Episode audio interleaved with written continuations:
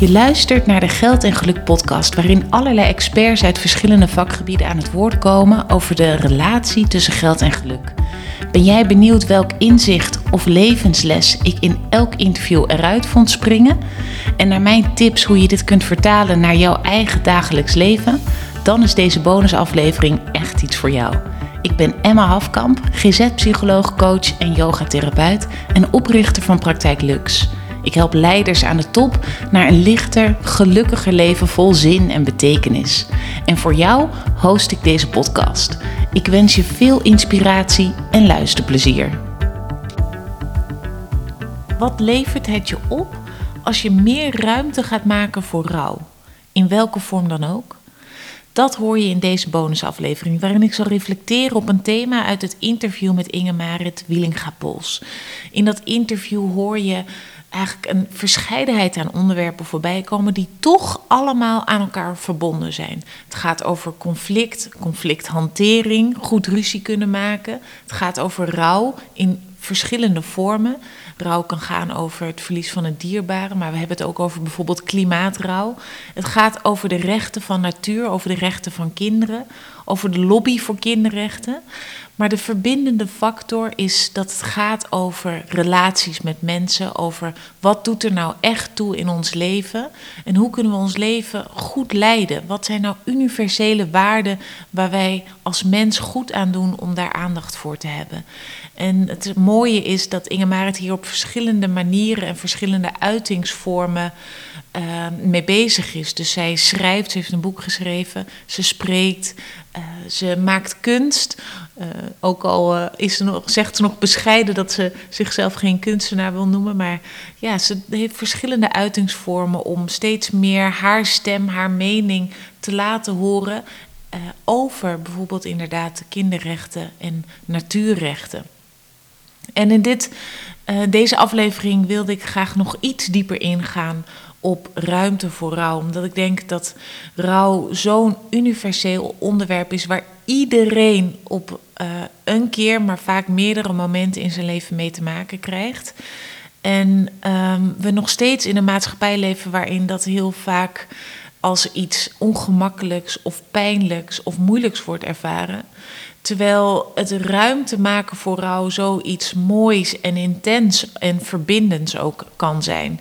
En ik hoop dat ik je met deze aflevering daar ja, wat handvaten voor kan geven. Of in ieder geval wat kan inspireren hoe je ook op andere manieren wellicht naar rouw kan kijken. Of met rouw om kan gaan. Of dat dan gaat over rouw bij jezelf of dat je dat ziet bij een ander.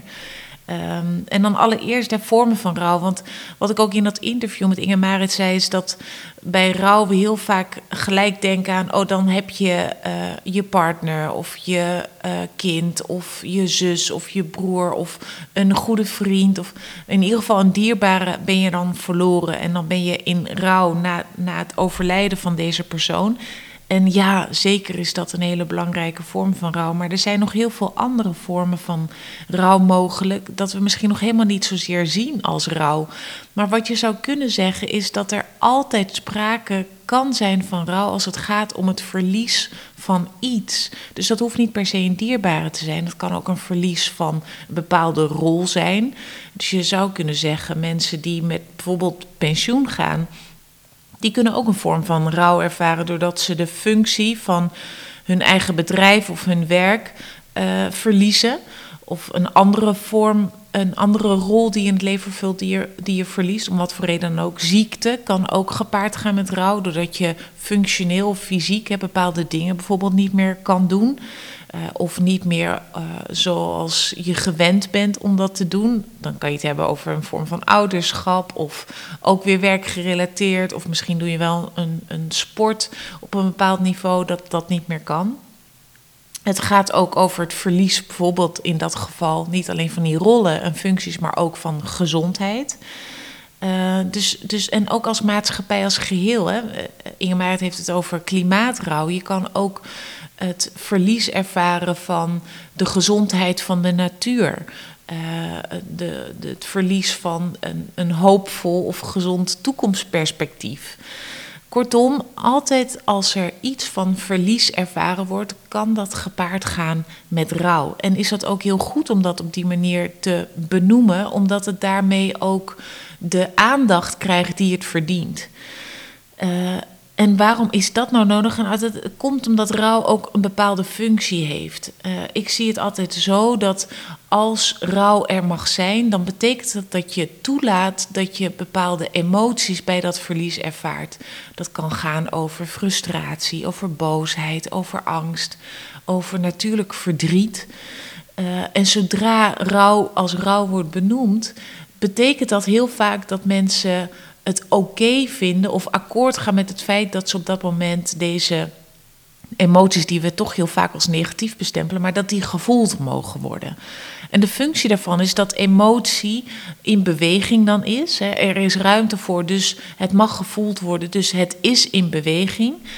Vaak ook leidt het tot veel verbinding met anderen. Als er ruimte is voor rouw, of als je rouw mag ervaren en daar dus over mag delen, dan leidt dat tot troost van anderen, tot misschien wat troost van de natuur, tot verbinding. Mensen vinden herkenning bij elkaar. Ze kunnen het ook bij elkaar erkennen, waardoor je uh, op allerlei niveaus ja, verdieping van relaties met anderen kan gaan ervaren. Bovendien, als je goed rouwt, en dan hebben we het wel eens over rouwverwerking. Dan kan het ook weer impliceren dat als je het eenmaal verwerkt hebt, dat het nooit meer terugkeert. Ja, daar geloof ik niet in. Ik denk dat rouw altijd op andere momenten later in je leven toch ook weer de kop op kan steken. En dat dat niet betekent dat je het niet goed verwerkt hebt, maar dat op dat moment gewoon een trigger is die je weer een bepaalde vorm van verlies kan laten ervaren. En daar is helemaal niks mis mee. Maar ik denk het goed doorvoelen en het doorleven van emoties die bij rouw horen, dat dat in het ook weer ruimte maken voor nieuw leven. En in het einde van het interview hebben, we, hebben Inge Marit en ik het ook over de, de natuur en hoe we daaraan verbonden zijn, maar ook hoe de natuur een, een spiegel of een voorbeeld kan zijn voor ons, juist omdat wij ook natuur zijn. En als je daarnaar kijkt, zie je dat er als uh, uh, bomen of planten of, of, dieren afsterven, dat daar ook altijd weer nieuwe natuur in voortkomt. En ik denk dat rouw een hele belangrijke functie heeft bij ons mensen om uh, na het doorleven en doorvoelen van rouw juist ook weer ruimte en lichtheid te kunnen ervaren waar weer nieuwe dingen in kunnen ontstaan. Dus dat er niet blokkades zijn of dingen vastgezet worden als het ontkend wordt of vermeden wordt, maar dat er juist door de beweging van emoties er weer nieuwe ruimte kan ontstaan voor nieuwe ervaringen. En vandaar dat ik ook wil eindigen deze aflevering met laten we vooral kijken hoe we rouw meer in het licht kunnen zetten, omdat er dus zoveel verschillende vormen zijn, veel meer dan dat je misschien hiervoor uh, besefte, omdat het dus heel functioneel is om het te doorvoelen, te doorleven en erover te delen. En um, dat als je juist rouw kan voeden, dat je daarmee zegt het mag er zijn en ik maak hiermee ruimte voor nieuwe dingen, dat dat enorm bij kan dragen aan gezondheid, aan verbinding, aan relaties die we hebben met onszelf, met elkaar en met de natuur. Uh, dus ik ben heel benieuwd wat deze aflevering bij jou oproept. Of je misschien nu met terugwerkende kracht uh, kan identificeren of er al veel vaker rouw in jouw leven is geweest. En, en stel jezelf dan ook de vraag: heb ik toen ook echt goed gerouwd? Of heb ik daar misschien nog wel wat werk in te doen? Het kan ook best zo zijn dat je op latere leeftijd tot de ontdekking komt dat je vroeger als kind dingen hebt gemist. En dat inzicht kan in één keer weer zo'n verlieservaring activeren. Terwijl ja, dat verlies dan in je kindertijd is geweest en helemaal niet meer in het hier en nu. Maar als je dat nooit als zodanig hebt uh, geïdentificeerd of bewust van bent geweest, kan je dat op latere leeftijd nog echt voelen. En dan is het ook zo belangrijk om daar alsnog ruimte voor te maken. Mocht je denken, eh, ja, ik, ik voel dat wel, maar ik weet eigenlijk niet hoe ik daar ruimte voor moet maken of hoe ik die vormen van rouw meer in het licht kan gaan zetten, maar ik voel wel het verlangen daarnaar. Uh, weet dat je altijd contact met mij op kan nemen om te kijken of ik je daar misschien een stukje in kan begeleiden. En uh, dan uh, wens ik je vooral ook heel veel moed en kracht en ook plezier in het ontdekken wat voor nieuwe ruimte er ontstaat nadat er ruimte voor de rouw is geweest. Ik hoop dat je genoten hebt van de aflevering en dat je geïnspireerd bent geraakt. Wil je geen enkele aflevering missen? Abonneer je dan op de Geld en Geluk podcast door op de knop volgen of abonneer te klikken. Ook zou ik het ontzettend waarderen als je een review achter wil laten in de app waarmee je deze aflevering hebt geluisterd. En heb jij nu het gevoel dat je ook op zoek wilt gaan naar hoe jij een lichter, gelukkiger en meer betekenisvol leven kan gaan leiden? Bekijk dan mijn aanbod op de website www.praktijk-lux.nl of connect met mij op LinkedIn of Instagram. Ik kijk er naar uit om je te ontmoeten.